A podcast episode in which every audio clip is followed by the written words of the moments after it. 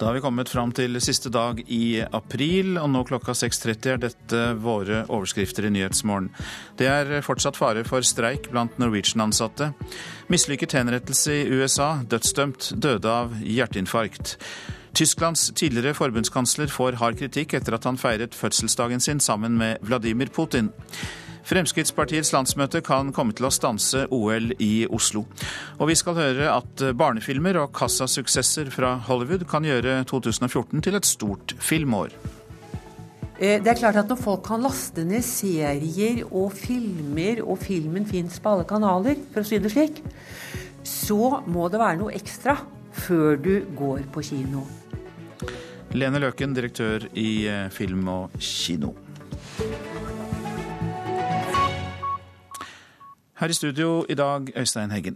Det er fortsatt fare for streik blant Norwegian-ansatte. Partene i oppgjøret for de kabinansatte i Norwegian oppnådde ikke enighet i den tvungne meklingen ved midnatt, og meklingen ble da avbrutt. Leder i De ansattes forbund Parat, Hans Erik Skjeggerud, forklarer bakgrunnen for utsettelsen.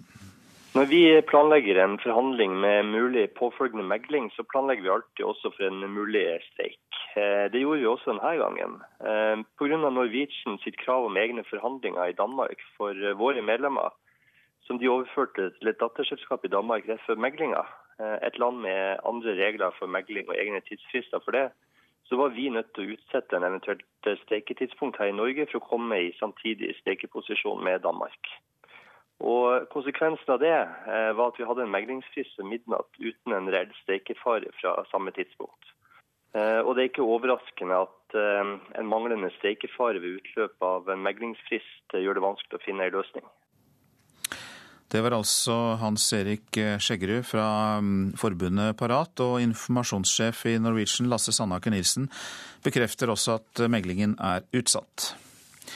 Det ble i natt enighet i treffoppgjøret for 4100 journalister. Avtalen innebærer en gjennomsnittlig lønnsøkning på 8000 kroner. Norsk Journalistlag og Mediebedriftenes Landsforening hadde ikke kommet til enighet da forhandlingsfristen utløp ved midnatt. Med en drøyt tre timer på overtid så ble partene enige om en ramme på 3,3 nå om en henrettelse i Oklahoma i USA med nye giftstoffer som gikk helt feil i natt.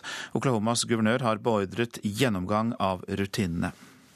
Midt under henrettelsen ble persiennene til dødskammeret lukket, slik at de oppmøtte ikke skulle få se hva som skjedde. Dødsdømte Clayton Lockett hadde blitt erklært bevisstløs av den første dosen, og så gitt de to andre medikamentene som skulle ta livet av ham.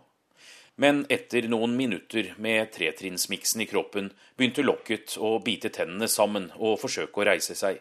Giftstoffene hadde ikke ønsket effekt, forklarer fengselsdirektøren i Oklahoma.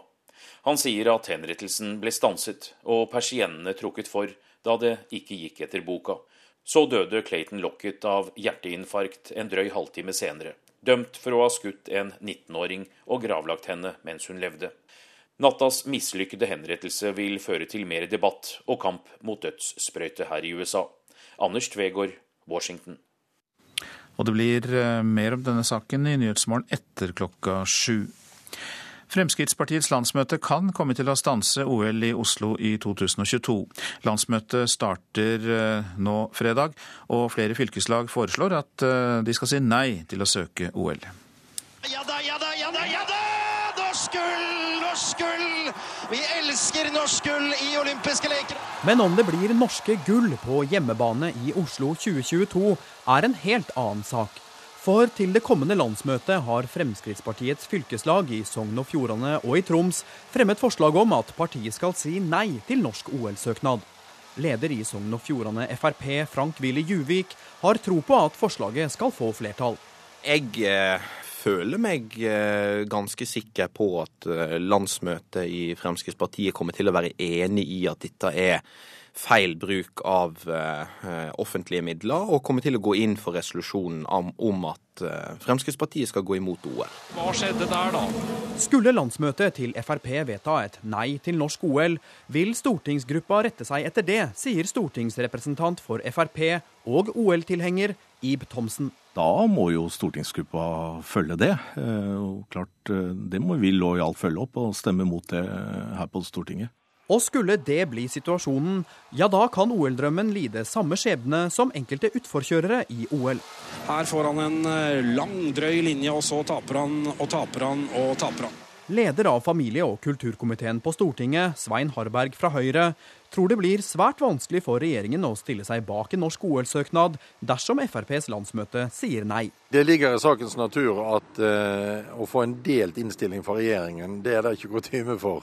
Og Dermed så ser jeg for meg at, at et sånt vedtak vil gjøre det vanskelig for regjeringen. Ja, det var synd. Men Ib Thomsen fra Frp mener saken langt fra er avgjort for partiets del. Kom igjen. Thomsen mener det er gode sjanser for at landsmøtet ikke treffer noe endelig vedtak. Nå syns jeg at vi skal eh, få diskusjonen, og så skal vi eh, se hva som kommer ut av den. Og så, så, har man jo muligheten til å ombestemme seg eller bestemme seg på Stortinget og i regjeringen. Og det er jo klart at regjeringen eh, vil lytte til dette, og ikke minst FrPs stortingsgruppe også vil lytte til de signalene som kommer på landsmøtet. For det er det høyeste organet vi har i partiet, så klart vi skal lytte til det. Jeg tror det går! Jeg tror det går! Det går! Han er foran med over halvt sekund!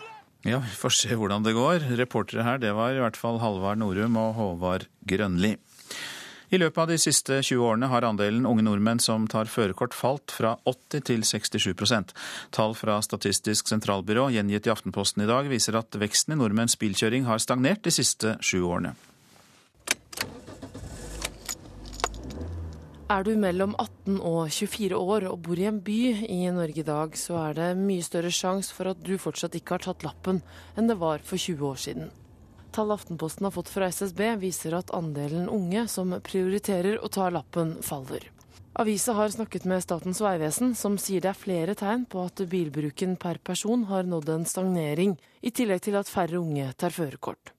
I 1992 hadde altså 82% av nordmenn mellom 18 og 24 år lappen, i 2012 67% Transportøkonomisk institutt sier til Aftenposten at eh, mye av dette også skyldes at flere bor i by enn tidligere. Vegvesenet understreker likevel at den totale bilkjøringen i Norge øker fordi befolkningsveksten er stor. Og det er ikke bare i Norge vi kjører mindre bil per person. Britisk forskning viser at flere vestlige land som USA, Storbritannia, Frankrike og Japan viser den samme trenden. Reporter, det var Ellen Borge Christoffersen. Og da ønsker vi LO-leder Gerd Kristiansen velkommen til Nyhetsmorgen. Takk skal du ha. Og de fleste forstår vel hvorfor. Det er jo arbeidernes og arbeiderbevegelsens internasjonale dag i morgen, 1. mai, som ble feiret første gang i Norge i 1890. Og fra 1948 har vært offentlig høytidsdag. Aller først, betydningen av 1. mai sammenlignet med den gang dagen ble innført. Jeg tror at 1. mai alltid er viktig i si tid. Eh, og at det er viktig at vi har en dag der vi både kan vise kampsaken vår, men også eh, vise internasjonal solidaritet. Det er jo en dag vi bruker til det. Vi har jo Folkehjelpa som alltid kjører kampanjer den dagen til eh, et eller annet formål ute i verden. Så også i år. Og i år står jo, står jo dagen under frihetsbegrepet. Vi har jo brukt Eh, slogan 'frihet i fellesskap' og, og hedre Nelson Mandela. Eh, så dagen brukes til det den må brukes til i det året man er inne i. Mm.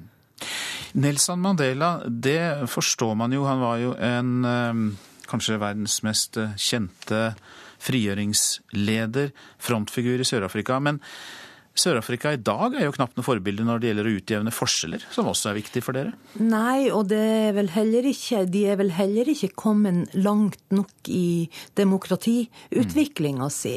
Men, men Nelson Mandela var jo den som starta eh, kampen imot apartheidregimet og klarte å, å få eh, i hvert fall tilnærmelsesvis vis like rettigheter for svarte og, og hvite. Eh, så Derfor er jo han et forbilde for oss, og LO var jo veldig sentral eh, og støtta opp rundt Sør-Afrika den gangen, og har enda et engasjement i forhold til utvikling av eh, demokratiet i Sør-Afrika. Dagsavisen, som står LO nær, skriver jo om 1. mai i dag, naturlig nok. Der intervjuer de jo folk som sier de kommer fra en arbeiderklassefamilie, men vi markerer aldri dagen utover flagging og en god søndagsmiddag. Er det fortsatt plass for appeller, eller burde man erstatte dem med apper? og jobbe helt moderne på nettet for å skape solidaritet mellom folk? Nei, vet du, Det tror jeg ikke. Jeg tror det er viktig at folk møtes, og at, eh, og at folk eh, viser hva man står for, og at vi gjør det sammen. Eh, det viste seg jo 8. mars at disse markeringsdagene våre fortsatt er viktig å holde i hevd. Da tok jo folk til gatene fordi at det var ei sak som var viktig for dem. Og, og så det viser at folk bryr seg, og at, folk, at, og at vi har bruk for disse dagene. Absolutt. Har LO, og øh, kanskje også da Arbeiderpartiet, i for stor grad blitt middelklassens støttespillere i for liten grad solidarisert seg med de som tjener aller minst, og de som er kommet hit til landet, og som Dagsavisen også skriver om i dag, tjener 9000 kroner i måneden, jobber ti timer per dag og sju dager i uka? I den grad Jeg har jo fått lest Dagsavisen, det er tidlig på morgenen ennå. Ja. Men, men uh, i den grad at det er noen som jobber ti timer for dagen, sju timer i uka, så uh, jobber de kanskje i en bedrift som ikke er organisert, og der det ikke er uh, ordna arbeidsforhold. Og det er jo en av kampsakene til LO. Sånn at uh, det at LO er blitt uh, bare middelklassens støttespiller, det vil jeg på det sterkeste avvise. Da lar vi det stå som siste replikk fra deg, Gerd Kristiansen, LO-leder, og lykke til med dagen i morgen. Takk skal du ha.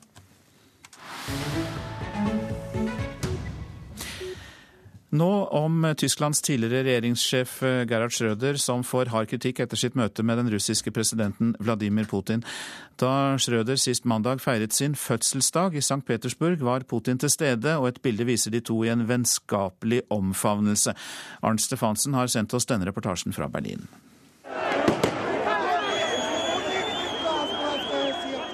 Den dramatiske utviklingen i Ukraina har dominert tysk politikk de siste månedene. Og kritikken mot den russiske presidenten Vladimir Putin har vært massiv. Men det forhindret ikke den tidligere tyske forbundskansleren Gerhard Schröder å feire sin fødselsdag i festlig lag med Russlands leder i St. Petersburg sist mandag.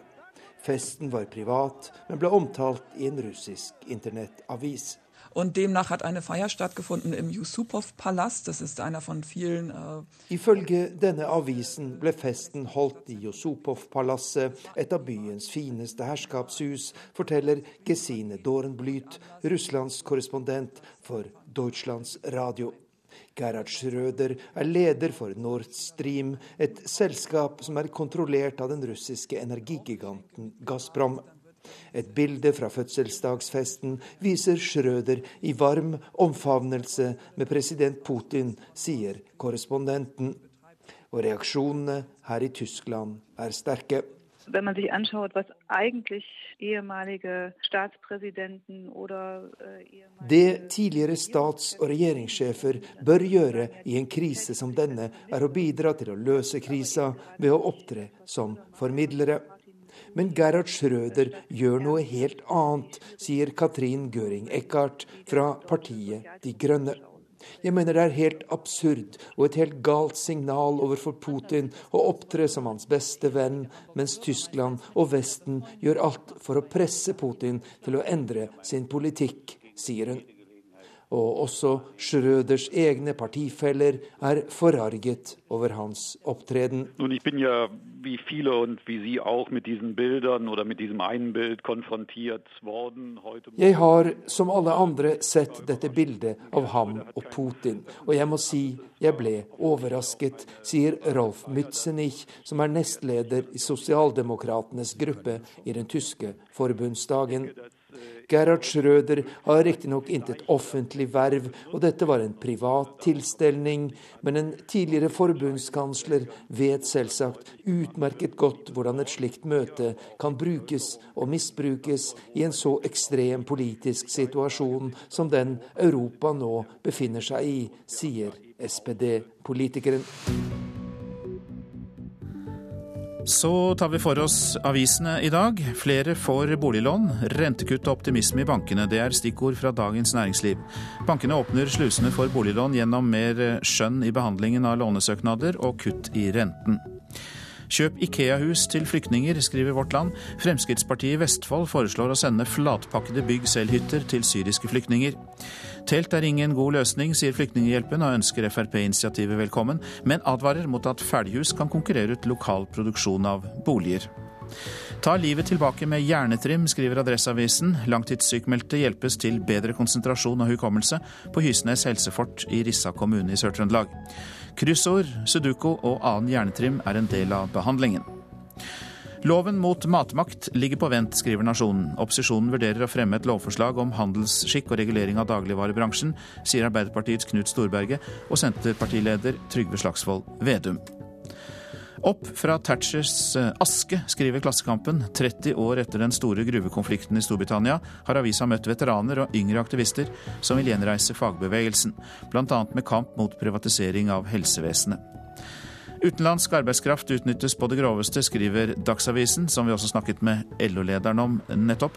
Noen jobber ti timer per dag, sju dager i uka, til en månedslønn på 9000 kroner, skriver avisa. Siv Jensen er på forsiden av både VG og Dagbladet. Økt bensinavgift gir 400 millioner kroner mer i kassen til finansministeren, skriver VG, mens Siv Jensen snakker ut i Dagbladet og konkluderer med at hun lever et deilig liv. Lille speil på søylen der, slik vil Bård Breivik ha det her. Ja, det er dagens lyriske oppslag i Bergens Tidende. Skulptøren har utløst en av de største kranglene i Bergens historie, for nå kan granittsøylene på Torgallmenningen få en speilblank overflate, etter en idé fra Bård Breivik.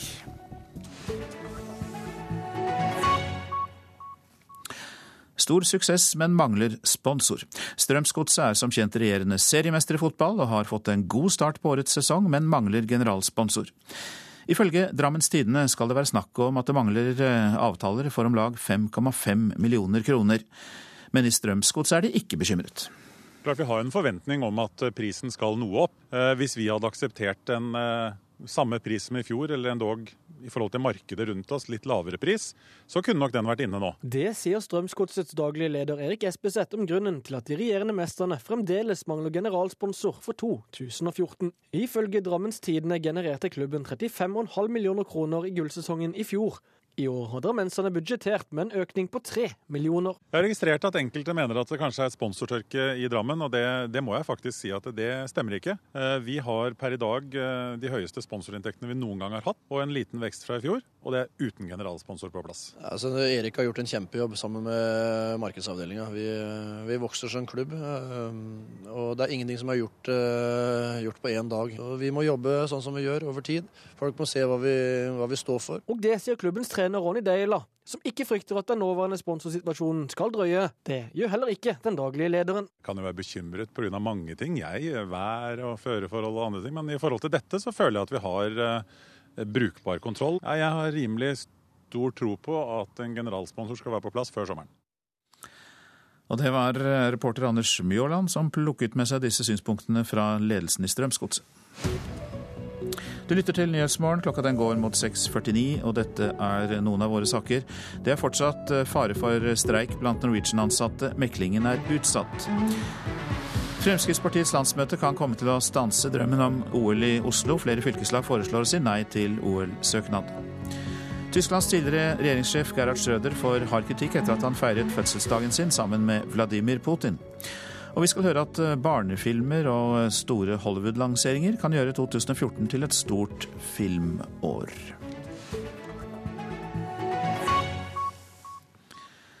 Flere foreldre lar være å vaksinere barna sine, viser en oversikt fra Kongsvinger i Hedmark. Helsesøstrene håper det ikke er en ny trend. Einar Olav Skogholt er en av dem som ble rammet av polio på 1950-tallet. Jeg husker eh, litt at jeg lå i eh, ei seng og folk var rundt meg, at um, brødrene mine ikke fikk komme til inn i huset eller noe, de var redd for smitte. Einar Olav Skogholt sitter på en benk utenfor huset sitt ved Storsjøen i Nord-Odal. Han tenker seg tilbake til da han var tre år på 50-tallet og fikk polio og måtte være på spesialsykehus i nesten åtte måneder uten kontakt med familien. Han viser fram armen sin, som er nærmest lammet. Det er en um, skulder som uh, ikke funker. Så er armen litt kortere enn den høyre armen min, og så er den mye tynnere og mye mindre. Helsesøstrene i Kongsvinger har merket at flere nå ikke ønsker å vaksinere barna sine. Vi har sett en litt økende tendens de siste år, år, egentlig, i forhold til at en del foreldre velger å ikke vaksinere barna sine. Arnhild Julseth er helsesøster i Kongsvinger. Rundt 6% av barna som er født det siste året i Kongsvinger, er ikke vaksinert fordi foreldrene ikke ønsker det. De sykdommene vi vaksinerer mot, de er ikke lenger eh, synlige i Norge. Eh, slik at man kanskje tenker at det er unødvendig å vaksinere, fordi man tenker at de sykdommene fins ikke her. I flere land har sykdommer som er spesielt smittsomme, som polio og spesielt meslinger, plusset opp igjen fordi mange ikke vaksinerer seg. Det er faktisk sånn nå at, at Europa er blitt en eksportør av meslinger til uh, USA. Og USA har uh, vært fri for uh, meslinger i flere år. Marianne A. Riise Bergsaker er overlege ved vaksineavdelingen ved Folkehelseinstituttet. Vaksinasjonsprosenten i Norge er høy og ligger ganske stabilt rundt 95% Men hun sier at det er all grunn til å understreke viktigheten av vaksiner fortsatt, fordi mellom 85 og 90% må være vaksinert for at ikke sykdommene skal blusse opp igjen. Det er viktig å opprettholde en høy vaksinasjonsdekning i hver eneste årskull som blir født av barn. Fordi hvis vi, vaksinasjonsdekningen går ned, så kan vi risikere at sykdommene kommer tilbake igjen. Og eh, reporter her, det var Ann Kristin Moe. Det er eh, fram til nå det best besøkte kinoåret siden 2009, mye takket være norske barnefilmer og store internasjonale kassasuksesser. Folk eh, velger bort de såkalte mellomfilmene, sier direktør i Film og Kino, som nå etterlyser en mer målrettet markedsføring av filmer. Hei, jeg kommer fra NRK. Kan jeg stille deg et spørsmål? Hvor ofte er du på kino? Fire-fem ganger i året, kanskje. Hva ser du da? Barnefilmer. ja. Barnefilmer? Ja. Det er en fantastisk oppfinnelse. Et prompepulver som ikke lukter noe. Ah, kan liksom ikke bruke det til noe. For det er nettopp norske barnefilmer som Dr. Proctors prompepulver og de store Hollywood-filmene som The Wolf of Wall Street som folk vil se på kino for tiden. Nærmere 350 000 publikummere har nå sett prompefilmen basert på Jo Nesbøs bok.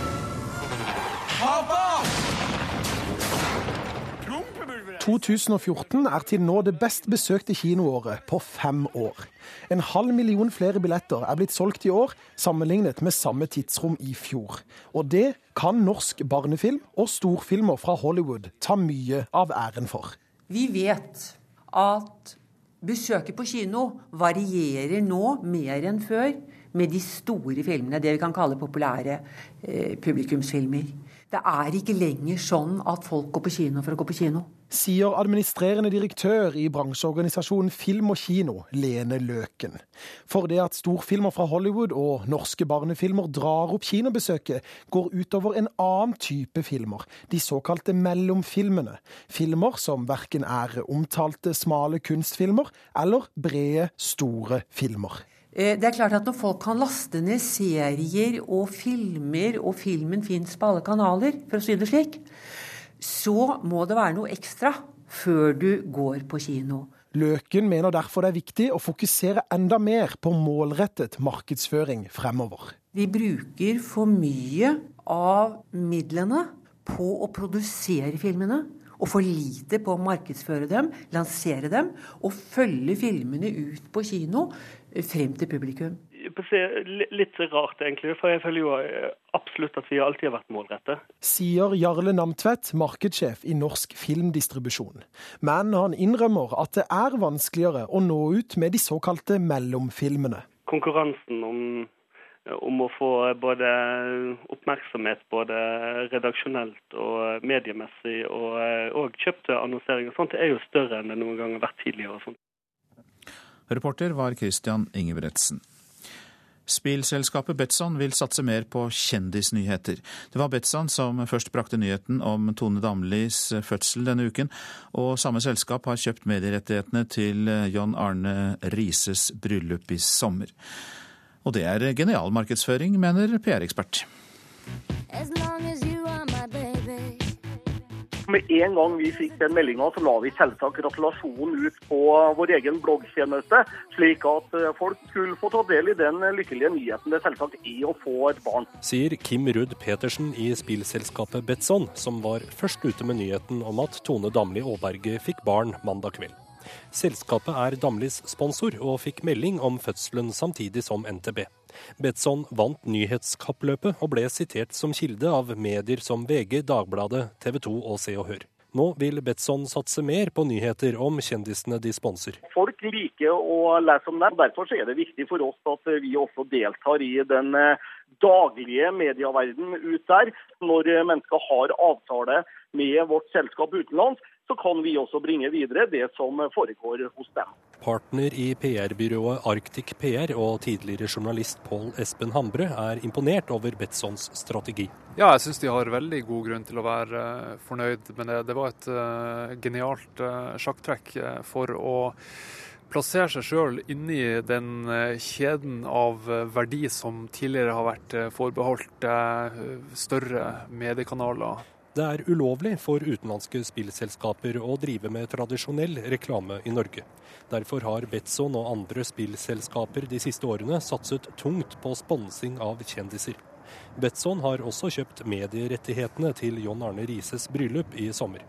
Og det er bare begynnelsen, tror Pål Espen Hamre. Bilselskapene er som sagt tvunget til å tenke mer kreativt enn uh, veldig mange andre aktører, fordi at de har så strenge begrensninger for hva de kan gjøre. De må tenke annerledes. Og her har noen uh, kreative hjerner uh, funnet ut noe som i utgangspunktet er helt nytt. Denne utviklingen stiller store krav til medienes kildekritikk, mener generalsekretær i Norsk Presseforbund Kjersti Løken Stavrum. Så godt som alle medier i Norge følger Vær varsom-plakaten og lager innhold og står ansvarlig for det. Og Det lager et paradoks akkurat i denne saken her. Fordi pressen er nødt til å oppgi kilder for hvor man henter informasjon fra. Og fordi en kjendis her da har solgt seg til et gamblingselskap, blir mediene nyttige idioter og bedriver reklame for en virksomhet, altså gambling, som er forbudt i Norge. Reporter her, det var Halvor Haugen. Så tar vi for oss eh, værvarselet og Langfjella først. Nordlig kuling utsatte steder fra i ettermiddag. Enkelte snøbyger nord i Langfjella.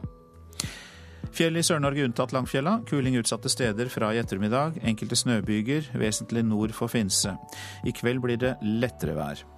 Østlandet og Telemark. I ytre Oslofjord stiv kuling, varierende skydekke. Enkelte regn- eller haglbyger først i nord. Snøbyger i høyere strøk. Det blir lite nedbør i Buskerud, Vestfold og Telemark. I kveld blir det penere vær igjen i Østlandet og Telemark.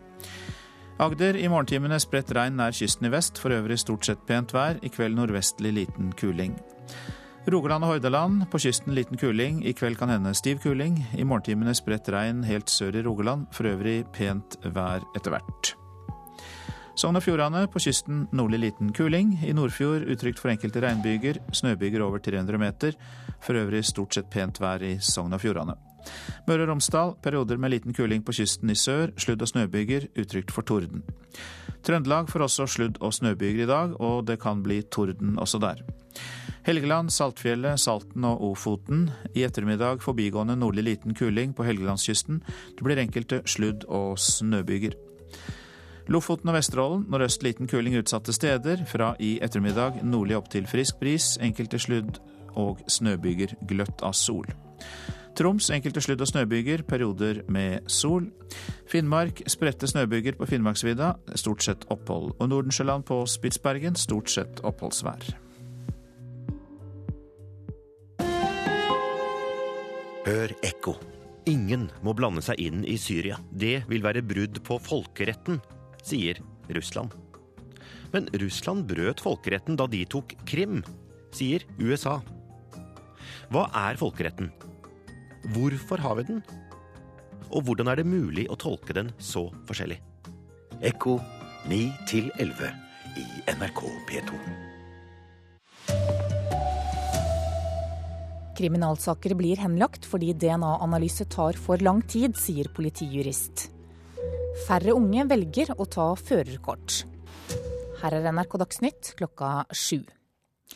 Ventetiden på DNA-analyser er for lang og fører til at kriminalsaker blir henlagt. Det sier lederen for Politijuristene, Sverre Bromander. Nei, For det første så er det det åpenbare at etterforskningen og da iretteføringen av straffesakene tar altfor lang tid. Eh, det andre er at man da ofte kan velge å henlegge saken istedenfor å sende inn til DNA-analyse. Politiet har fått utvidet sine muligheter til å teste og registrere DNA, også for mindre alvorlige lovbrudd. Det innebærer at langt flere prøver vil bli sendt inn til analyse. Folkehelseinstituttet har enerett på å utføre slike analyser i Norge. De mener kapasiteten er god nok, og at det er kommunikasjon med politiet som må bli bedre. Vi har kapasitet til å håndtere sakene. Det vi helt klart trenger, det er en enda bedre dialog om hvilke prøver det er noen vits i å ta og vits i å sende inn for at vi skal gjøre jobben best mulig. Reporter var Marit Tigraf, og det blir mer om dette i Nyhetsmorgen i P2 om noen minutter. Russland har innført en ny lov som begrenser trafikken på internett. Loven blir av mange sett på som et fremstøt fra president Vladimir Putin for å stagge opposisjonen, som lenge har brukt nettet for å opponere mot nettopp Putin. Bloggere og nettsteder som har over 3000 besøk per dag, må nå registrere seg som medier. I den amerikanske delstaten Oklahoma ble en henrettelse utsatt i går pga. problemer med giften. Drapsmannen Clayton Lockett skulle henrettes med en ny dødelig giftblanding. Men Lockett døde ikke, han begynte å mumle og forsøkte å reise seg. Legen som var til stede stanset derfor henrettelsen, men mindre enn en time senere fikk Lockett hjerteinfarkt og døde av det. De siste ukene har det vært rettslig strid om de nye giftstoffene, og guvernøren i delstaten har nå beordret en gransking av hva som skjedde. Færre unge tar førerkort. De siste 20 årene har tallet på personer mellom 18 og 24 år med førerkort falt fra 80 til 67% skriver Aftenposten. Er du mellom 18 og 24 år og bor i en by i Norge i dag, så er det mye større sjanse for at du fortsatt ikke har tatt lappen enn det var for 20 år siden. Tall Aftenposten har fått fra SSB viser at andelen unge som prioriterer å ta lappen, faller. Det er ikke bare i Norge vi kjører mindre bil per person. Britisk forskning viser at flere vestlige land som USA, Storbritannia, Frankrike og Japan viser den samme trenden. Reporter Ellen Borge Christoffersen, NRK Dagsnytt, Anne Jetlund Hansen.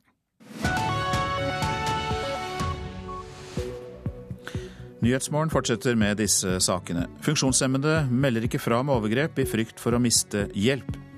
Påtaleansvarlig ved Oslo politidistrikt kommer hit for å kommentere sein behandling av DNA-prøver, som vi hørte om i Dagsnytt nettopp. Og vi skal møte ukrainere i Norge som frykter russisk invasjon av hjemlandet. Norsk ungdom sover for lite, to timer mindre enn legene anbefaler. Det får vi også med oss her i Nyhetsmorgen. Syke eller funksjonshemmede er som regel mer sårbare for vold og overgrep enn andre, men mange tør ikke melde fra fordi de er redde for å miste hjelp de er helt avhengig av. Det viser en ny rapport. I noen situasjoner er folk med funksjonsnedsettelse ekstra utsatt. Det sier generalsekretær Liv Arum i Funksjonshemmedes Fellesorganisasjon. Hvis du skal dusje, opp om morgenen, i seng om kvelden, skal på do, sånne intime situasjoner som de fleste av oss har kontroll på sjøl, så er jo det situasjoner hvor funksjonshemmede vil være særskilt utsatt. I dag presenterer forskerne i NOVA en rapport om hvordan kommunene og hjelpeapparatet ellers håndterer vold og overgrep mot mennesker som er syke eller funksjonshemma eller som har nedsatt funksjonsevne, som er uttrykket forsker Tonje Gundersen bruker. Vi snakker om eh, fysiske funksjonsnedsettelser, folk som sitter i rullestol f.eks., eller personer med nedsatt hørsel og nedsatt syn. Eh, men vi snakker også om folk som, er, eh, som har nedsatt funksjonsevne pga. sykdom. Det viser seg at mens de er minst like sårbare for vold og overgrep som andre, så melder de sjelden ifra til politiet eller til kommunen. De kan være redd for å ikke bli trodd, det er jo helt vanlig blant volds- og overgrepsutsatte. Og så står du jo i en avhengighetsforhold til sin tjenesteutøver, og hvis de da frykter f.eks. For, at eh, det å melde fra vil sette dem i en situasjon der de må argumentere mot tjenesteutøver om at de har gjort noe eller ikke, så er de redd for at de ikke vil bli trodd, og i neste omgang kan du være, være redd for at klage i seg selv bidrar til at de mister tjenestetilbudet fra kommuner. Og det har vi et par eh, eksempler på i vår studie som eh, sier at de er redd for det. I mange kommuner er ledere og ansatte ikke bevisste nok på at syke og funksjonshemma kan ha vansker med å melde fra om vold og overgrep. Både rutiner og opplæring av de ansatte er for dårlig, og Dermed er det fort tilfeldighetene som rår, går det fram av rapporten, sier Gundersen. Du kan være heldig hvis du treffer en i tjenesteapparatet som kan noe om det, men du kan også være uheldig. Og Det går jo ikke bare på å kunne noe om volden, men også hvordan skal man gå frem når vold er oppdaget. Prosedyrer for anmeldelse, og, og gi, kunne gi informasjon om hvordan personen vil bli fulgt opp i etterkant. I tillegg så er det jo sånn at noen har problemer med språk. De har vanskelig for å si fra. Det kan jo også være en grunn til at funksjonshemmede ikke sier ifra. Og det var altså Liv Arum vi hørte til slutt der, i Funksjonshemmedes Fellesorganisasjon. Reporter, det var Kjartan Røslett. Mari Trommal, god morgen til deg. Du er direktør eh, i Barne-, ungdoms- og familiedirektoratet, og eh, det er dere som har bedt forskerne se på hvordan samfunnet håndterer vold og overgrep mot eh, mennesker med funksjonsnedsettelse. Og når du da har fått rapporten, eh, hva syns du om det du har lest i den? Ja, dette er et svært alvorlig tema, fordi vi vet også at funksjonshemmede er mer utsatt for vold og overgrep enn befolkningen for øvrig. Og når vi sitter med den kunnskapen, så er det ekstra bekymringsfullt at vi ser at tjenestene som nettopp skal ivareta denne svake gruppen, og at de verken er gode til å identifisere disse problemstillingene, og når de gjør det, så er de heller ikke så gode til å følge opp. Hva kan dere i eh, direktoratet gjøre med det, annet enn å be folk om å passe bedre på eh, de klientene de har? Ja, Det er viktig å ha oppmerksomhet på temaet. Så det at dere i NRK tar det opp, er viktig. For det vil høyne oppmerksomheten for de som jobber med denne gruppen.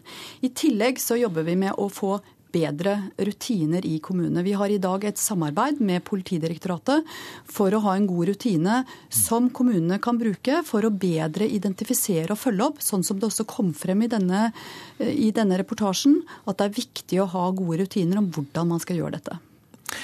Det ble også nevnt at eh, det kan tenkes de frykter å miste hjelpetilbudet hvis de melder fra om eh, overgrep. Tror du det ligger en risiko der også? Ja, Denne rapporten er veldig tydelig på det. Eh, at de som blir utsatt for overgrep, er bekymret for hvordan hjelpeapparatet vil, vil, reagere når de tar det opp. Og Det er også veldig konkrete eksempler på at de har opplevd at det blir sanksjoner dersom de blir oppfattet som bråkmakere og har, har da tar opp ting som oppfattes som ubehagelig for hjelpeapparatet.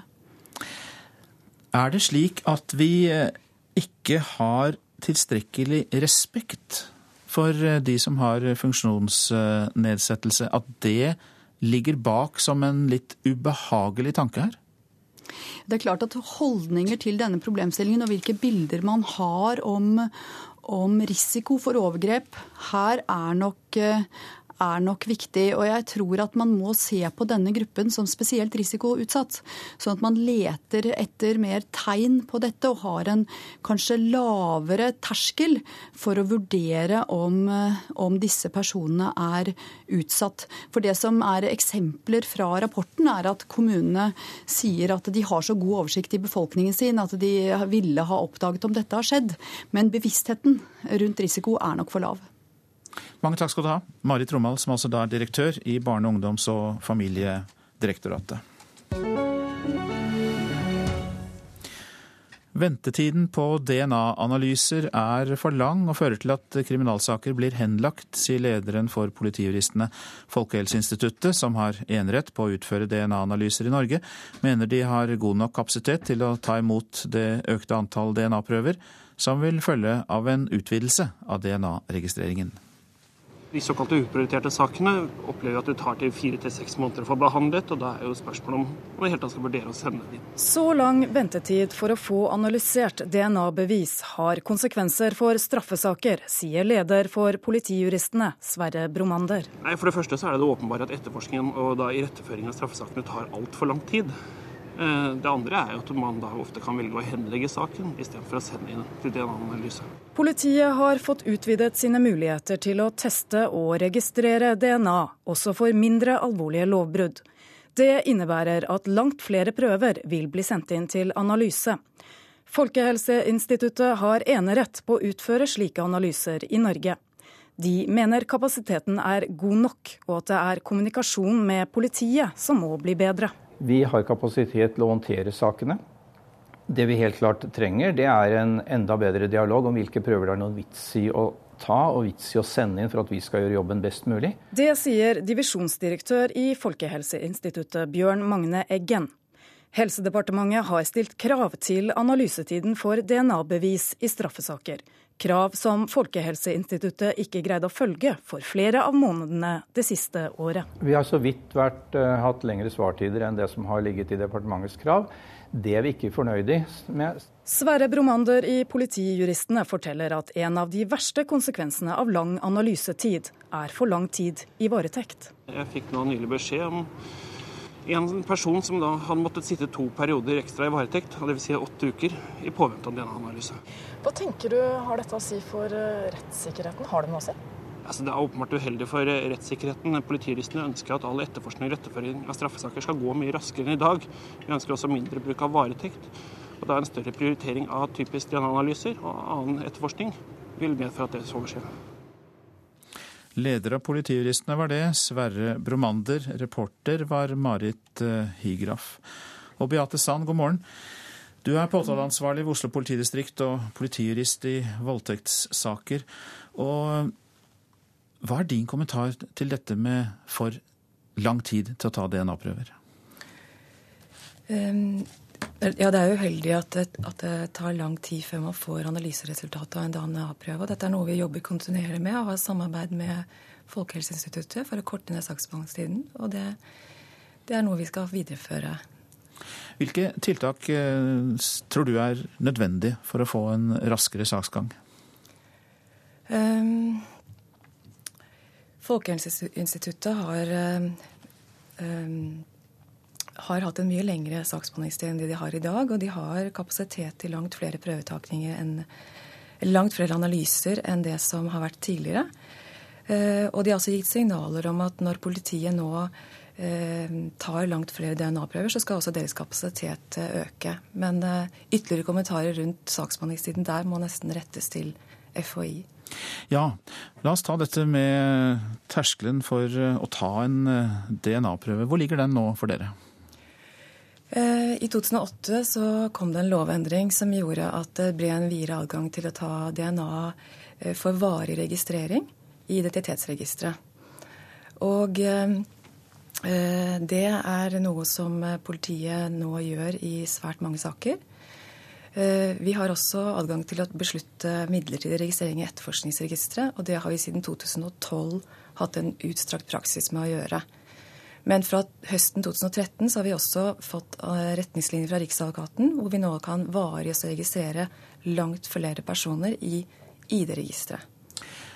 Og hvilke positive følger, for å ta de først, da, kan det ha for samfunnet at det blir tatt flere slike prøver? Når denne endringen kom fra, fra Riksadvokaten, så er jo personvernet eh, vurdert opp mot eh, mulighetene for å oppklare og forebygge kriminalitet.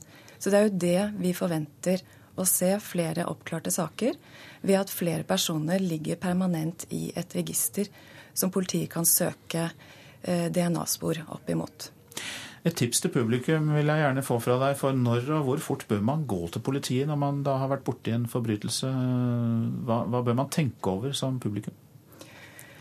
Eh, når, det, når det gjelder DNA-prøve, altså? Ja. ja eh, nei, dersom man, det kommer litt an på hva slags forbrytelse man har vært utsatt for. Men eh, er man blitt utsatt for en voldtekt, eh, så bør man gå til politiet umiddelbart for å sikre spor. Eh, fordi tas det sikreste DNA-spor, så vil man nå kunne søke det opp mot ID-registeret og få treff på en mulig gjerningsmann. Da tar vi med oss det videre. Hjertelig takk for at du kom til Nyhetsmorgen, Beate Sand, som altså er påtaleansvarlig ved Oslo eh, politidistrikt. Dette er Nyhetsmorgen. Klokka den passerte nettopp kvart over sju. Dette er noen av våre hovedsaker. Funksjonshemmede melder ikke fra om overgrep i frykt for å miste hjelp. Sen behandling av DNA-prøver fører til lengre opphold i varetektsfengsel, og at saker blir eh, henlagt. Det er fortsatt fare for streik blant Norwegian-ansatte. Meklingen er eh, utsatt. Og vi skal høre at ungdom sover for lite. To timer mindre enn legene anbefaler.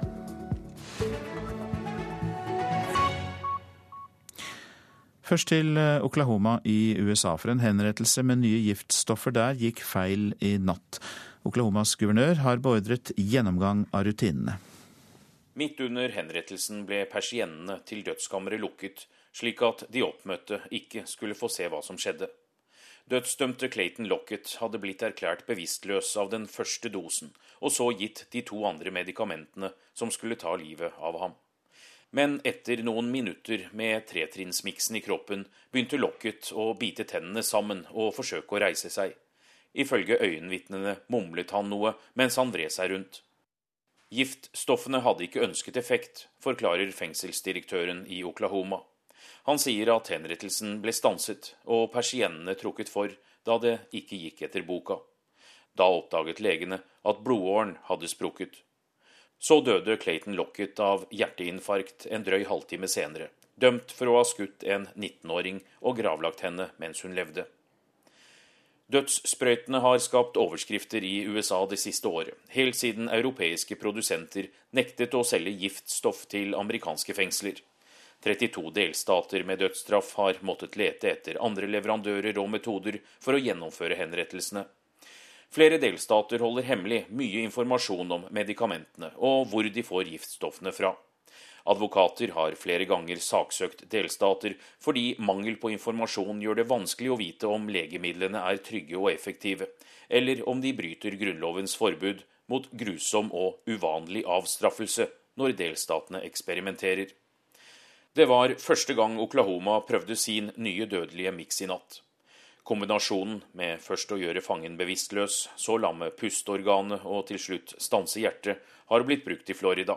Men med opptil fem ganger så stor dose av det bedøvende middelet. Uten effektiv bedøvelse er det kjent at det neste giftstoffet vil gi en smertefull kvelning.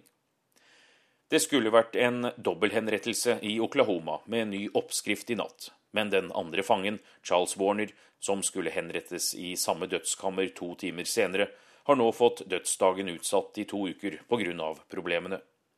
Oklahomas guvernør Mary Fallin har beordret granskning av hva som skjedde, men fengselsmyndighetene hevder giftstoffene ble skaffet på lovlig vis gjennom godkjente apoteker, og de hadde ikke utløpt på dato. Nattas mislykkede henrettelse vil føre til mer debatt og kamp mot dødssprøyte her i USA. Anders Tvegård, Washington. I dag er det parlamentsvalg i Irak, det første etter at den amerikanske okkupasjonen tok eh, slutt. Sittende statsminister Nouri al-Maliki stiller til gjenvalg. Midtøsten-korrespondent Sigurd Falkenberg Mikkelsen, hvordan har valgkampen vært foran valget i dag?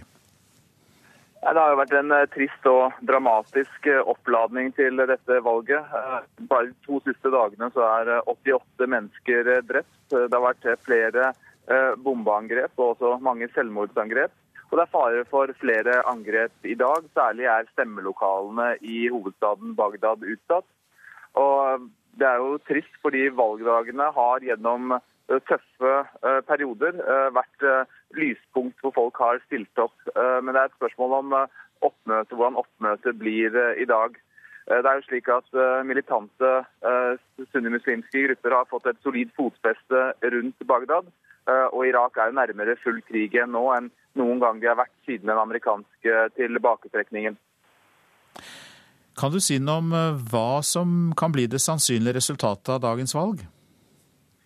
Det kommer nok til å bli et ganske broket bilde. Det er så mange som 9000 kandidater. Og vi får nok ikke noen tydelige vinnere. Og det kommer til å bli lange forhandlinger i etterkant. Men de aller fleste regner med at sittende statsminister Nouri al-Maliki vil klare å forhandle seg fram til å fortsette, selv om han har vært utsatt for veldig sterk kritikk. Bl.a. for å ha framprovosert denne oppstanden vi ser i de sunnimuslimske områdene. Han er selv sjiamuslim. Han er også beskyldt for å ha tette bånd med Iran. Jeg snakket selv med valgvinneren i forrige parlamentsvalg, Iyad Alawi, som ikke klarte å samle en felles en majoritet i parlamentet. Og han beskyldte jo Iran for å blokkere hans kandidatur til fordel for Maliki. Og så er det også mange som klager i Irak på stor korrupsjon, dårlig velferd og dårlig økonomi, selv om oljeinntektene har gått opp det siste. Kan resultatet av dagens valg i Irak kunne påvirke andre land i området? Ja, alt som skjer i Midtøsten nå henger sammen. Og for Irak så gjelder det rent konkret konflikten i Syria, hvor flere av opprørsgruppene i Syria også er operative i Irak. Det gjelder særlig den mest beryktede av dem, IS, IS som har et solid fotfeste i Nord-Syria, og også har det utenfor Bagdad, i byer som Fallujah og Ramadi. Og Da var jo også et angrep fra, fra, fra irakiske helikopter inne i Syria nylig. Og så er Irak ligger det mellom Saudi-Arabia og Iran, som utspiller også noe av sin maktkamp i Irak, på samme måte som de gjør det i Syria. Midtøsten-korrespondent Sigurd Falkenberg Mikkelsen, takk skal du ha. Russlands president Vladimir Putin håper de europeiske militærobservatørene som er tatt til fange i Øst-Ukraina, snart blir løslatt. Jeg håper denne konflikten blir løst, og at de fritt får forlate Ukraina, sa Putin på russisk TV. Det sa han altså da i går. Han sier at observatørene burde ha forstått risikoen de løp ved å reise til det østlige Ukraina uten å ha blitt bedt dit av separatistene. Ukrainere i Norge er redde for at Russland skal invadere Ukraina. Prorussiske separatister har de siste dagene da tatt kontroll over flere rådhus og TV-stasjoner øst-sørøst i Ukraina. Og en av de nesten 3000 ukrainerne i Norge bor i Sogndal i Sogn og Fjordane. Han er dataingeniør, Konstantin Koval, og er skremt av urolighetene i hjemlandet. Det blir som krig. Det er ikke som vanlig Ukraina for meg. Det er veldig vanskelig. Prorussiske separatister har den siste tida tatt kontroll over stadig flere rådhus og TV-stasjoner sørøst i Ukraina. Natalia Ravn Christensen i den ukrainske foreninga i Norge sier at mange ukrainere her i landet er redde for at Russland skal bruke uroa som et påskudd til å invadere heimlandet. Dessverre så er det det. Har du spurt om det for fem måneder siden, så har jeg sagt 100% nei. Men det som har skjedd nå, og det som fortsetter å skje, da er risiko der. Store russiske troppestyrker står nå klare ved den ukrainske grensa. Ravn Christensen tror ikke russerne ruser tanksene sine for ingenting. Vi må jo være realistiske. Hvorfor 50 eller 80 000 bevæpnede russiske soldater sto ved ukrainske grenser? Denne veka greip uroa i Konstantin Koval sin heimby også inn i norske nyhetssendinger. En ukrainsk borgermester er skutt i et angrep øst i landet. Borgermesteren i Kharkiv ble skutt i ryggen medan han var ute på en sykkeltur. Med drapsforsøket rykker realitetene i heimbyen på nytt nærere Koval. Fra kontorstolen sin i ei databedrift i Sogndal er han redd for familien i Ukraina. Det er veldig vanskelig å se at mine familie og mine venner bor der og har så vanskelig tid nå. Og det var reporter Noralv Pedersen som hadde kontakt med ukrainere i Norge. Så til det avisene har på forsidene. Færre unge tar lappen, det er oppslaget i Aftenposten. Avisa bruker NRK P3-programlederne Silje Nordnes og Ronny Brede Aase som eksempler. Jeg tar bussen og klarer meg fint uten bil, sier Brede Aase. Nordmenns bilbruk stagnerer, viser tall fra Statens vegvesen. Flere får boliglån, rentekutt og optimisme i bankene, det er stikkord fra Dagens Næringsliv. Bankene åpner slusene for boliglån gjennom mer skjønn i behandlingen av lånesøknader og kutt i renten. Kjøp Ikea-hus til flyktninger, skriver Vårt Land. Det er Fremskrittspartiet i Vestfold som foreslår å sende flatpakkede bygde selvhytter til syriske flyktninger. Flyktninghjelpen ønsker Frp-initiativet velkommen, men advarer mot at ferdighus kan konkurrere ut lokal produksjon av boliger. Tar livet tilbake med hjernetrim, skriver Adresseavisen. Langtidssykmeldte hjelpes til bedre konsentrasjon og hukommelse på Hysnes helsefort i Rissa kommune i Sør-Trøndelag. Kryssord, sudoku og annen hjernetrim er en del av behandlingen. Lover matmakt, Loven om matmakt ligger på vent, skriver Nasjonen.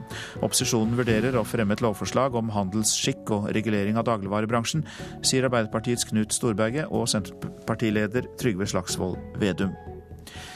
Opp fra Thatchers aske, skriver Klassekampen. 30 år etter den store gruvekonflikten i Storbritannia har avisa møtt veteraner og yngre aktivister som vil gjenreise fagbevegelsen, bl.a. med kamp mot privatisering av helsevesenet i Storbritannia. Utenlandsk arbeidskraft utnyttes på det groveste, skriver Dagsavisen. Noen jobber ti timer per dag, sju dager i uka, til en månedslønn på 9000 kroner. Siv Jensen er på forsiden av både VG og Dagbladet. Økt bensinavgift gir 400 millioner kroner mer i kassen til finansministeren, skriver VG, mens Siv Jensen snakker ut i Dagbladet og konkluderer med at hun lever et deilig liv. Lille speil på søylen der, slik vil Bård Breivik ha det her. Det er dagens ja, lyriske oppslag i Bergens Tidende. Skulptøren har utløst en av de største kranglene i Bergens historie, for nå kan granittsøylene på Torgallmenningen få en speilblank overflate. Etter en idé fra Bård Breivik.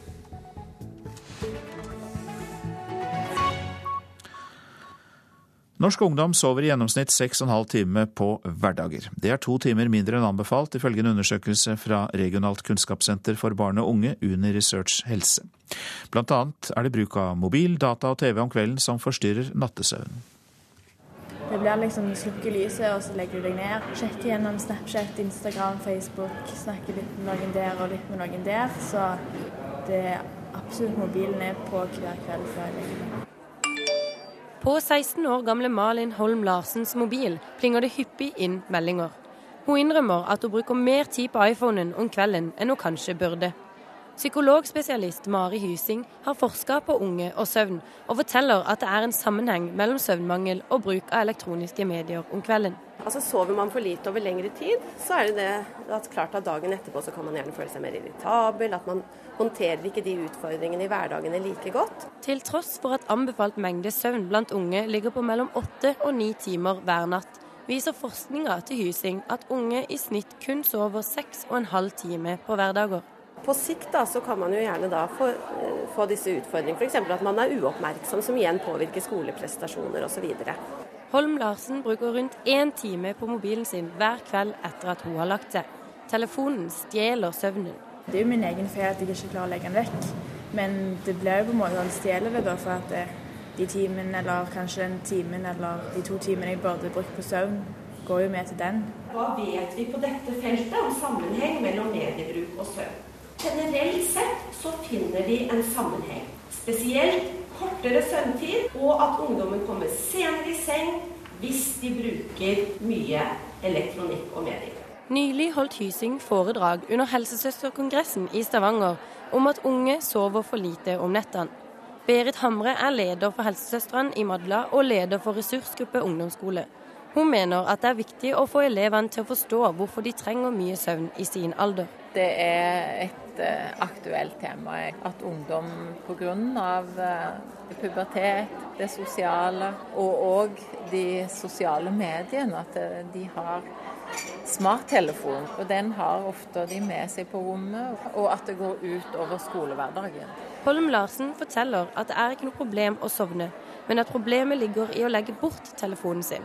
Pga. den ligger hun lenger våken og er trøttere på skolen. Hvis jeg hadde lagt, bestemt meg for å sove og lagt vekk alt, så tror jeg absolutt jeg hadde klart å sovne tidligere. Men det er jo alltid noe som lokker på de sosiale mediene da, til at jeg skal være lenger våken. Det er noe som skal snakkes med, alltid noe som skal likes, alltid noe som skal deles. Reporter her, det var Silje Foss Langeland. Det brenner jo overalt. Ser ut som det kan være en buss, altså. Er du der det skjer, når det skjer? Du kan bidra med viktige nyheter. Send oss ditt nyhetstips, bilder og video til NRK 03030. Du lytter til Nyhetsmorgen. 400 britiske muslimer har sluttet seg til opprøret mot Bashar al-Assad. Jihadister lokker ungdom til hellig krig i Syria. Mer i reportasjen etter Dagsnytt. Politikere i PR-bransjen, det skal Per Olav Lundteigen og Trygve Hegnar diskutere i Politisk kvarter. Prosent for Nyhetsmorgen, Katrine Nybø. Her i studio, Øystein Heggen.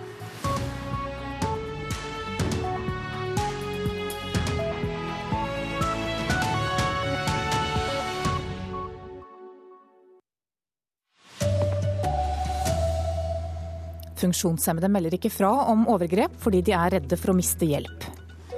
En dødsdømt fange i USA døde av hjerteinfarkt etter å ha vært prøvekanin for ny giftblanding i natt. Og Fremskrittspartiet kan sette en stopper for OL i Oslo i 2022. Her er NRK Dagsnytt, klokka er 7.30. Mange syke og personer med nedsatt funksjonsevne tør ikke melde fra om vold og overgrep. Enkelte er redde for at det kan føre til at de mister tilbud om hjelp som de er avhengige av. Andre vet ikke hvordan de skal si fra, sier forsker Tonje Gundersen ved forskningsinstituttet NOVA. De kanskje ikke tør å melde fra, eller de vet ikke hvordan de skal melde fra. Nettopp avhengighetssituasjonen gjør at dette kan være veldig vanskelig. De sitter kanskje i rullestol er blind eller svekka av sykdom og avhengig av hjelp. Særlig de som mottar hjelp og støtte fra hjelpeapparatet, er jo i en ekstra utsatt situasjon. De møter jo veldig mange hjelpere hele tiden. Det viser seg at mens de er minst like sårbare for vold og overgrep som andre, så melder de sjelden ifra til politiet eller til kommunen. Generalsekretær Liv Arum i Funksjonshemmedes Fellesorganisasjon forklarer hvorfor mange ikke sier ifra. Det er vanskelig å si ifra. Når du i tillegg er helt avhengig av overgriper, så blir det enda vanskeligere. Overgriperne kan være familiemedlemmer, det kan være andre som bor i bofellesskap, eller folk som er ansatt for å hjelpe.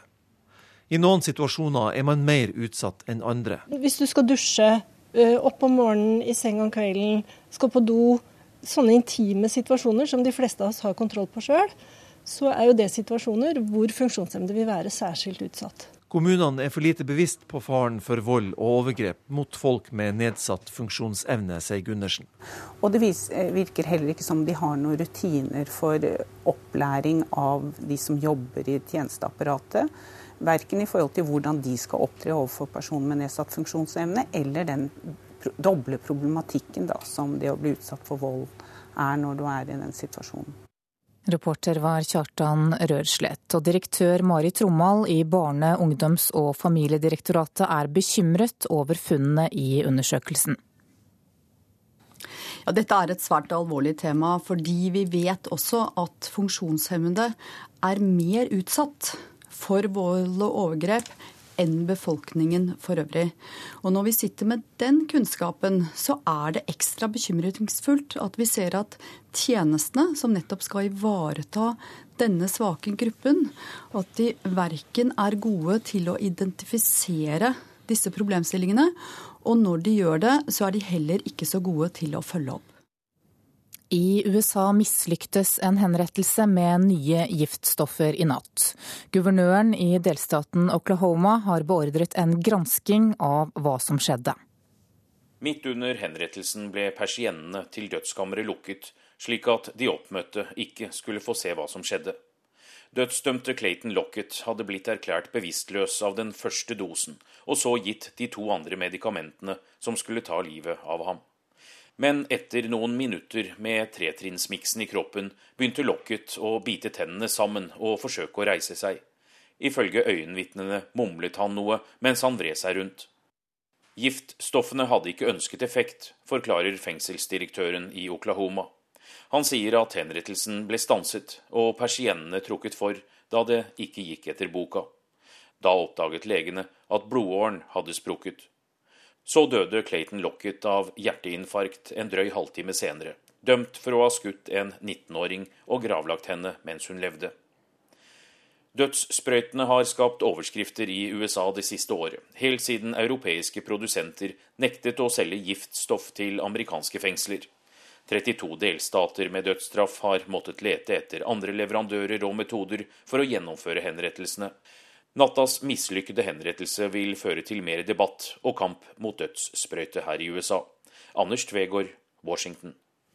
Russland har innført en ny lov som begrenser trafikken på internett. Loven blir av mange sett på som et fremstøt fra president Vladimir Putin for å stagge opposisjonen, som lenge har brukt nettet for å opponere mot nettopp Putin. Bloggere og nettsteder som har over 3000 besøk per dag, må nå registrere seg som medier. Ventetiden på DNA-analyser er for lang og fører til at kriminalsaker blir henlagt. Det mener lederen for Politijuristene. De såkalte uprioriterte sakene opplever at det tar til fire til seks måneder å få behandlet, og da er jo spørsmålet om om i hele tatt skal vurdere å sende dem. Så lang ventetid for å få analysert DNA-bevis har konsekvenser for straffesaker, sier leder for Politijuristene, Sverre Bromander. Nei, For det første så er det det åpenbare at etterforskningen og da iretteføringen av straffesakene tar altfor lang tid. Eh, det andre er at man da ofte kan velge å henlegge saken istedenfor å sende inn til DNA-analyse. Politiet har fått utvidet sine muligheter til å teste og registrere DNA, også for mindre alvorlige lovbrudd. Det innebærer at langt flere prøver vil bli sendt inn til analyse. Folkehelseinstituttet har enerett på å utføre slike analyser i Norge. De mener kapasiteten er god nok, og at det er kommunikasjon med politiet som må bli bedre. Vi har kapasitet til å håndtere sakene. Det vi helt klart trenger, det er en enda bedre dialog om hvilke prøver det er noen vits i å ta og vits i å sende inn for at vi skal gjøre jobben best mulig. Det sier divisjonsdirektør i Folkehelseinstituttet Bjørn Magne Eggen. Helsedepartementet har stilt krav til analysetiden for DNA-bevis i straffesaker. Krav som Folkehelseinstituttet ikke greide å følge for flere av månedene det siste året. Vi har så vidt vært, uh, hatt lengre svartider enn det som har ligget i departementets krav. Det er vi ikke fornøyd med. Reporter var Marit Higraf. Det er fortsatt fare for streik blant de ansatte i flyselskapet Norwegian. Meklingen mellom selskapet og de kabinansatte ble avbrutt i natt, uten at partene ble enige. Trolig blir det et nytt meklingsmøte i løpet av de nærmeste dagene. Fremskrittspartiets landsmøte kan komme til å stanse et OL i Oslo i 2022. Flere av partiets fylkeslag foreslår at Norge skal si nei til å søke om OL. Og dersom forslaget får flertall, så blir det vanskelig for regjeringen å stille seg bak en OL-garanti. Det blir et rotterace! Dette skal være mulig, det skal være mulig! Tror det går! De som drømmer om OL-gull på hjemmebane, kan få seg en kalddusj til helgen. Sterke krefter i Frp, både på Stortinget og på grasrota, er negative til OL i Oslo 2022. Til helgens Frp-landsmøte fremmer to fylkeslag forslag om å si nei til OL. Jeg tror nok at det store, breie flertallet i Fremskrittspartiet vil eh, gå imot et OL i, eh, i 2022 sier Frank Willy Djuvik, leder i Sogn og Fjordane Frp, et av fylkeslagene bak nei til OL-forslaget. Det er klart at eh, et sånt vedtak vil jo binde våre representanter. Dersom FrPs landsmøte sier nei til OL, blir det vanskelig for regjeringen å stille seg bak en OL-søknad, tror leder av familie- og kulturkomiteen på Stortinget, Svein Harberg fra Høyre. Det ligger i sakens natur at eh, å få en delt innstilling fra regjeringen, det er det ikke kutyme for. Og Dermed så ser jeg for meg at, at, et sånt vedtak vil gjøre det vanskelig for regjeringen. Frp kan også velge å utsette beslutningen om OL til etter landsmøtet. Men også Ib Thomsen, stortingsrepresentant for Frp og OL-tilhenger, sier han vil stille seg bak et nei-vedtak. Det må vi lojalt følge opp og stemme mot det her på Stortinget. Men det kan jo hende at regjeringen kommer med noe annet, og da blir det en vanskelig situasjon både for regjeringen og stortingsgruppen. Men det føler jeg vi får ta når kommer, vi kommer dit hen. Reportere Line Tomter og Halvard Norum, og det blir mer om Fremskrittspartiets landsmøte i Politisk kvarter på P2 klokka 7.45. Da skal vi ha sport. Spillerne i Bayern München var langt nede etter tapet for Real Madrid i gårsdagens semifinale i Mesterligaen i fotball. Spanjolene tok seg til finalen med 5-0 sammenlagt. Og det til tross for at det tyske laget var ansett som den kanskje største favoritten i turneringen. Stappfulle gater i Madrid i natt, fylt med lykkelige spanjoler, de aller fleste er kledd i en Real Madrid-drakt. De feirer avansementet til Champions League-finalen, men ikke minst den sjokkerende utklassingen av Bayern München i går. Mens i Tyskland var stemningen en litt annen. Vi møtte et veldig sterkt lag, og vi må gratulere dem, selv om jeg må innrømme at akkurat det er veldig vanskelig, sa Bayern-spiller Thomas Müller etter kampen. Aber wie gesagt, wir müssen alle nach Hause gehen. Vi må nå gå hjem og gråte våre tårer, men livet går videre. Det er en del av denne idretten, var Arjen Robbens reaksjon etter nederlaget, som fikk hele fotball-Europa til å sperre opp øynene. Reporter var Mats Håby. Ansvarlig for denne sendingen var Elin Pettersen, teknisk ansvarlig Hans Ole Hummelvold, og her i studio Anne Jetlund Hansen.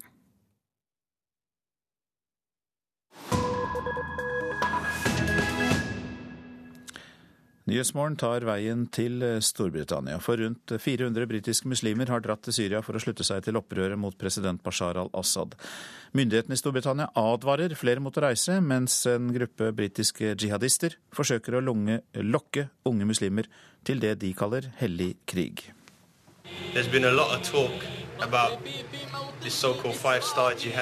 Bare øynene syns under den svarte finlandshetten. Musikken som ligger under, og Kalasjnikov-logoen oppe til høyre, levner liten tvil om at det er militante islamister som har lagt ut videoen på YouTube. Briten som kaller seg Abu Abdullah, plages av rykter om at briter som har meldt seg til tjeneste i en hellig krig, lever et liv i sus og dus. Det er langt fra noen femstjerners jihad. Jeg sverger til Gud, sier han.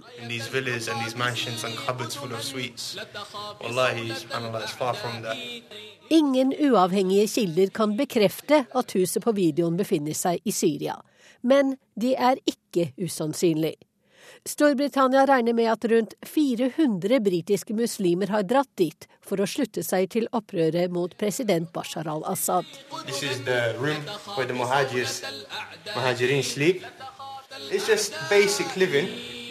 Det er ingen luksus briten viser fram. Seks-sju madrasser på gulvet i et enkelt murhus. Pledd brettet sirlig på hver madrass. Flere AK-47-geværer står lent opp mot veggen. Vi har selvsagt våre Silla, våre våpen, forteller briten. En mobiltelefon står til lading, men mesteparten av tiden er vi uten strøm.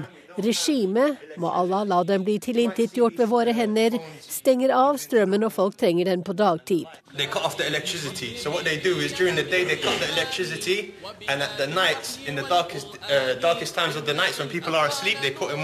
Rayat al-Tawid heter denne gruppen av britiske jihadister. Ifølge The Terrorism Research and Analysis Consortium, TRAC, støtter gruppen opprørsbevegelsen ISIS, som tidligere hadde bånd til Al Qaida. Rayat al-Tawhid oppfordrer britiske statsborgere til å melde seg til krigen i Syria, og bruker sosiale medier til å spre ytterliggående islamistisk propaganda, mener Track. Here,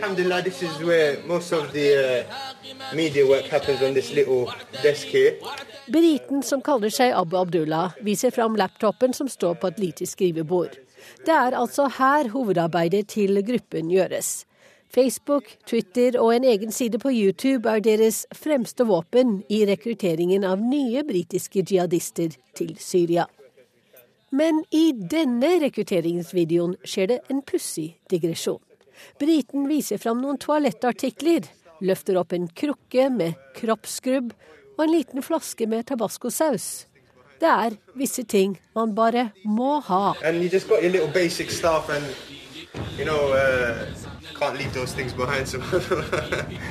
Han ler litt beskjemmet og er rask med å forsikre om at ikke noe av dette kommer fra hjelpeforsyningene til krigsrammede syrere. Så avsluttes islamistvideoen med en appell hjem til Storbritannia. It goes for myself and it goes for pretty much every brother here.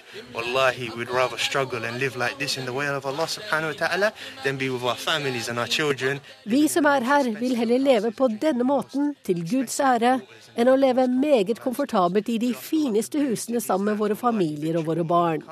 Vi ber Allah om at du må komme til jihads rike, sier Abu Abdullah på sin London-dialekt. Come to the lands of jihad. Live amongst us. Wallahi, live amongst us. Denne reportasjen var laget av Wenche Eriksen.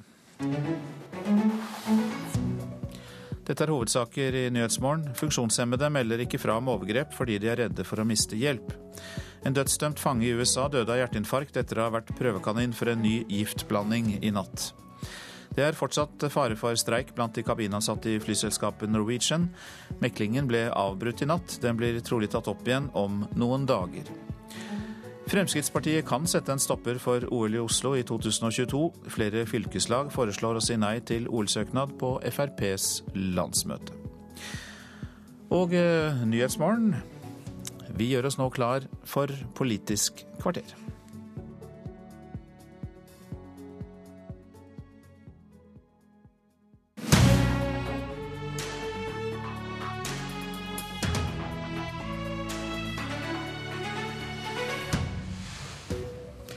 Carl Eirik Skjøtt Pedersen-saken viser forfallet i norsk politikk, sier Per Olaf Lundteigen. Dette er selvfølgelig usedvanlig flåsete, selv til Lundteigen å være, svarer Trygve Hegnar. Nå er de her, i Politisk kvarter. Per Olaf Lundteigen, stortingsrepresentant for eh, Senterpartiet, velkommen. Er det umoralsk å gå til PR-bransjen når du har vært statsråd? Det er helt lovlig å gå til PR-bransjen. Det er helt lovlig å drive eh, den virksomheten. Det som jeg syns er nitrist, og det vil jeg understreke nitrist, det er at eh, stadig flere av eh, vel ansette statsråder og statssekretærer fra den rød-grønne regjeringa velger da å kvittere ut den tilliten de har fått gjennom et langt politisk liv, inn i en bransje hvor en da skal flytte makt til fordel for de som eh, har mye penger, og også til fordel for sin egen økonomi. Jeg er klar over at mange reagerer på det jeg nå sier, men for meg så jeg blir så indignert over det forbildet som de her personene representerer i forhold til de mange ungdommer som engasjerer seg politisk. Jeg håper at vi skal kunne greie å få gjort noe med det. At det fortsatt burde være sånn at det er idealisme og engasjement om hva du vil med Norge som skal være drivende. Og så eh, at en ikke da velger eh, politikk for å få en personlig karriere, og en personlig karriere eh, for å flytte makt til de som har da de sterkeste økonomiske interessene. Og det er dette som er forfallet? Ja, jeg syns det er en veldig sterk utvikling. For vi ser nå åssen det er en veldig økende søkning til f.eks. politiske rådgiverstillinger på Stortinget eh, av folk som eh, er generelt politisk interesserte, men jeg merker veldig tydelig at, eh, at det er karriereveien som er sentral. Og Det som jeg syns videre er så, er så, trist, det er jo at det, det er jo ikke eh, byråenes feil at det har blitt sånn, men det er jo politikkens feil. Altså Det er jo altfor få eh, sterke ledere i de politiske partiene. Det er altfor få politiske visjoner. Eh, politikerne tar altfor lite initiativet til å si hva er det vi vil med Norge, hva er det vi skal ha gjennomført og presenterer det tydelig og klart som et budskap, og forteller da hvilke virkemidler en skal ha, og dermed har eh, driven i den politiske debatten. Når en ikke har den fra den politiske partienes side, så kommer sjølsagt andre opp og bruker det tomrommet til sin egen fordel. Trygve Hegna, redaktør i Finansavisen. Hvorfor er dette usedvanlig flåsete selv til Lundteigen å være? Ja, ja, altså Jeg har vanskeligheter med å forstå egentlig Lundteigen. Det er jo åpenbart at politikere, sentrale politikere, gode politikere, flinke politikere som har vært statsråder eller statssekretærer, at de også har krav på å få en jobb hvis de en dag plutselig får beskjed om når det er slutt. Altså regjeringen går av, eller regjeringssjefen sier at statsråden skal gå av, eller statssekretæren skal gå av. Det er liksom over fra, fra, den ene dagen til den andre. Og det er klart at De har jo krav på å få en jobb etterpå. Det, det bør man ikke diskutere engang. Og så syns jeg det er rart eh, altså Alle kan jo ikke bli bønder, som, eh, som Lundteigen en gang vil bli, eller Ola Borten Moe, som da går tilbake til gården sin i Trøndelag. Eh, man har andre jobber også. Og da, ja, så synes jeg det er rart at ikke da de som har vært flinke, vært i politikken, de har ervervet seg masse kunnskaper, klokskap, erfaringer.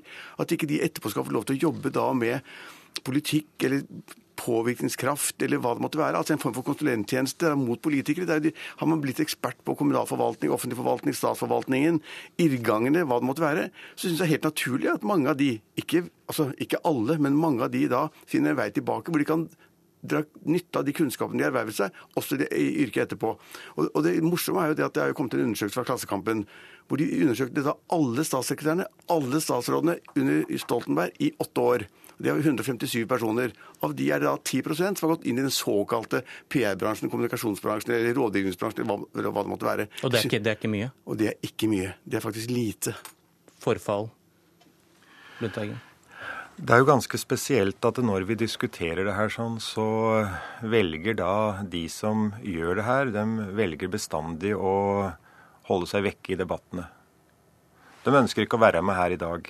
I dag diskuterer jeg med Trygve Hegnar. Diskuterer ikke med noen av de som har valgt det her sånn. Hvorfor er det sånn? Det er vel kanskje fordi at de sjøl føler det litt pinlig at de har gjort det her sånn. Føler litt Vent litt nå. Føler det litt pinlig. Altså, Jeg, jeg veit det er statssekretærer fra den rød-grønne regjeringa fra Senterpartiets side som uh, fikk tilbud om slike jobber. Uh, hvor da uh, PR-byrået sa at vel, du bør kunne fakturere for fem millioner kroner i året. Og da ser enhver at det er eh, få driftsutgifter eh, med en sånn jobb. Og vi snakker altså om enorme inntekter både til den som gjør det, og de selskapene som er. Og de føler det da såpass pinlig at en ikke vil være med i det åpne ordskiftet omkring det. Det som er eh, kjernen i det, det er, det er lovlig virksomhet, helt greit. Men det som er det grunnleggende problemet, som jeg prøver her å si, og som Hegnar da vrir seg helt rundt, det er at politikerne i dag er for svake.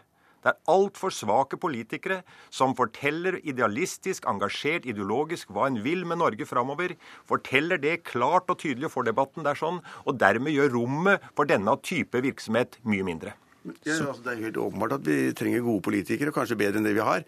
Eh, men det er jo en helt annen debatt. Poenget er jo debatten nå er jo om de som har vært politikere, har hatt en lang politisk karriere, om de er nødt til å gå tilbake til å bli slaktere eller aksjemeglere eller bønder, eller om de også kan da være i, på en måte med i det offentlighetsarbeidet som da kommunikasjonsrådgivere driver med. Og jeg mener det er helt opp opplagt at man må få lov til å gå fra politikken, ta med seg sine kunnskaper, få seg en jobb, f.eks. i First House eller et annet firma, og da bidra med kunnskap til folk som ikke har den kunnskapen. Det er ikke snakk om bare som Lundteigen sier, at det er de rike som skal skaffe seg kunnskaper og rådgivere mot den offentlige forvaltning. Er det ikke det, det i praksis ofte, da? Nei, tror jeg faktisk ikke. Jeg, altså, jeg, har fått, jeg, har hørt om så mange tilfeller hvor det er fattige kommuner og andre som ønsker seg Ja, men det er det. Kommuner og andre eh, offentlige etater som trenger bistand i sitt arbeid mot Stortinget, mot, uh, mot, mot forvaltningen. slik at det er, altså, jeg tror kundemassen er ganske stor, ganske bred. Norges Bondelag er kun et av de store firmaene. Selvfølgelig, De har også interesse av da å på en måte finne ut hvordan irrgangene er. Så at, altså, det hele tatt å sitte og diskutere at det er en bakterie at flinke politikere får seg en jobb etterpå det er helt meg. Altså, uh, Bjarne Håkon Hansen, Alle kjenner Bjarne Håkon Hansen, Pølse-Hansen. Det er helt åpenbart at han ville vært en dårlig slakter, men kanskje er en god kommunikasjonsrådgiver. Ja, Det er ganske sikkert. Men når jeg sier at dette her er et demokratisk problem, så er det fordi at Bjarne Håkon Hansen, Carl Erik Skjøtt Pedersen, Jan Erik Larsen, eh, Erlend Fuglemy i, Senterpartiet, er i mange tilfeller forbilder i, i sin flokk. Forbilder ikke minst for ungdommen. Og når ungdommen ser at de her forbildene velger å kvittere ut den politiske tilliten de har fått gjennom lang tids politisk arbeid, over i den type virksomhet, istedenfor at en bruker den erfaringa si til å hjelpe de ungdommene som eh, kommer opp i de politiske partiene, til å bli bedre politikere, det er det som er mitt poeng. Og her har vi et veldig svakhetstegn som utvikler seg. Du sa til VG at Skjøtt Pedersen heller burde jobbet i eget parti for 450 000 kroner i året. Ja, det mener jeg av min djupeste oppriktighet. Carl Erik Skjøtt Pedersen har vel aldri drevet med noe annet enn politikk i sitt liv.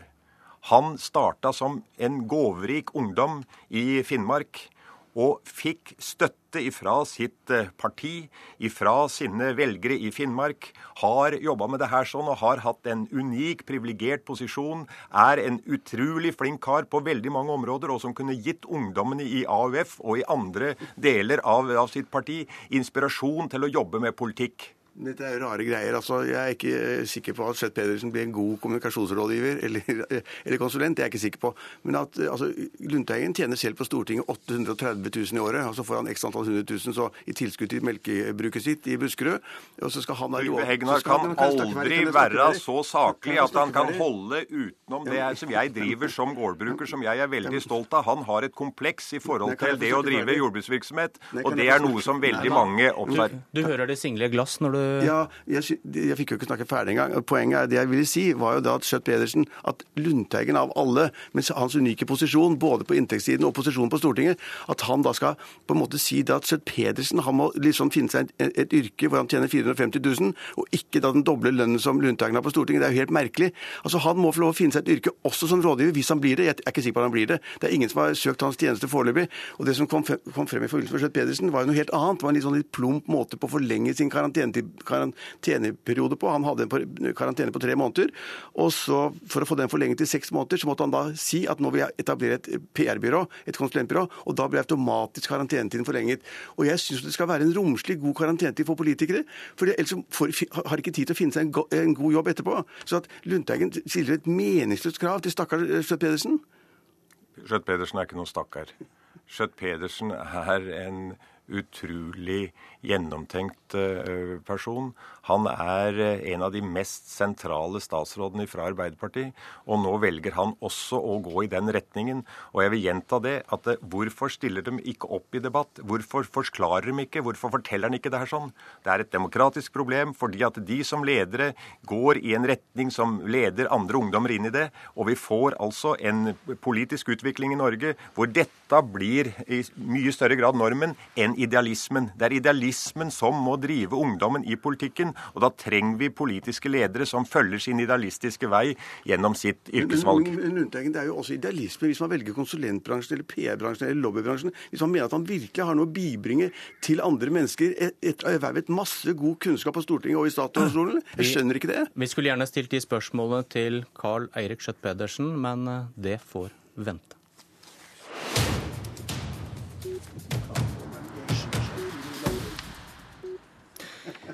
Mens Frp-delegatene klipper plenen i morgen, tenker de kanskje på om de skal si ja eller nei til OL på landsmøtet til helgen. Og politisk kommentator Lars Nehru Sand, vi har hørt om denne saken i morges. Er det Frp som avgjør om det kan bli OL i Oslo om eh, åtte år? Det er uansett en krevende oppgave å skulle samle et flertall av stortingsrepresentantene bak en statsgaranti. Men det som kan skje på Fremskrittspartiets landsmøte allerede nå til helgen, er at man får den første veldig tydelige indikasjonen på hvor dette bærer politisk sett i Norge, ved at et, et regjeringsparti da eh, sier nei på grasrota. Men er det sikkert at denne saken kommer til votering? Nei, Det er to grunner til at det ikke er sikkert. Eh, det ene er at man kan argumentere for at Fremskrittspartiet allerede har sagt nei, og at saken derfor bare oversendes stortingsgruppa, som det, som det heter. Resolusjonene er fremmet fra to fylkeslag. og, og på den måten egentlig allerede ytra, men, men, at man da ikke fatter et formelt vedtak. Eh, og da kan man begrunne det som sagt med at man allerede har sagt nei til OL i Tromsø, og alle vet hvor Fremskrittspartiet står i denne saken. Men man kan også argumentere med at statsgarantien ikke er fremma formelt som sak ennå, så Fremskrittspartiet vet egentlig ikke hva de sier nei til, og at man derfor vil vente før man uh, låser sin posisjon i debatten, egentlig. Hva betyr, saken, hva, hva betyr det for denne saken at partiet nå sitter i regjering? Et vedtak på landsmøtet binder jo opp eh, ikke bare stortingsgruppa, men indirekte også regjeringa, selv om eh, landsmøtet ikke har noe direkte instruksjonsmyndighet overfor en regjering. Men, men det binder jo opp stortingsgruppa, som igjen eh, binder opp regjeringen. Men hvor mye vil et negativt vedtak da binde opp Høyre og regjeringen som sådan? Det vil gjøre det i den forstand at jeg tror ikke at eh, Høyre ser seg tjent med å ta den kampen mot eh, Fremskrittspartiet for å skulle eh, gå imot det vedtaket. Motstanden i Høyre er nok, ikke, er nok ikke så stor at det er et flertall i Høyre mot OL, men det er et, et ja, merkbart mindretall, for å si det sånn. Eh, så Erna Solberg vil da måtte ta en kamp mot eh, mange i Høyre, og, eh, og, da hele Fremskrittspartiet. Og Fremskrittspartiet vil jo i alle budsjettrunder kunne si at vel, vi trenger ikke penger til dette store OL-prosjektet, så, så, vi har litt mer penger å rute med i, i debatten. Eh, og så tror jeg at det er som sagt umulig for Høyre i denne saken å skulle lage et flertall med f.eks. Arbeiderpartiet. Eh, for jeg tror det er for, for, tynt grunnlag rent partimessig at det kun er to av partiene som, som ønsker et OL. Og det er ikke noe iver på Stortinget heller eh, så langt for å garantere for et større beløp. Så Derfor er veien frem til et ja, hvis Erna Solberg skulle ønske å presse det gjennom, så lang for Høyre at jeg tror det kan ende med at, eh, at Fremskrittspartiet sånn sett får, eh, får, en avgjørende rolle når det blir en debatt i regjeringen. Takk for analysene. Lars Nehru Sand. Senere i dag møter Frp-ledelsen pressen for å snakke om helgens landsmøte. Der får kanskje Siv Jensen spørsmål om OL, og kanskje om Per Sandberg, som i dag truer med at Frp kan overkjøre Venstre og KrF i innvandringspolitikken ved at regjeringen går til Arbeiderpartiet. Og kanskje får spørsmål om Carl I. Hagen, som i dag frykter at Frp kan gå i SV-fella. Jeg tviler på at hun blir spurt om den gode meningsmålingen i VG i dag.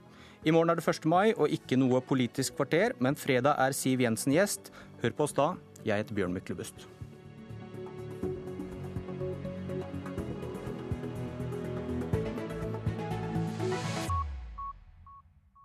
Hør flere podkaster på nrk.no podkast.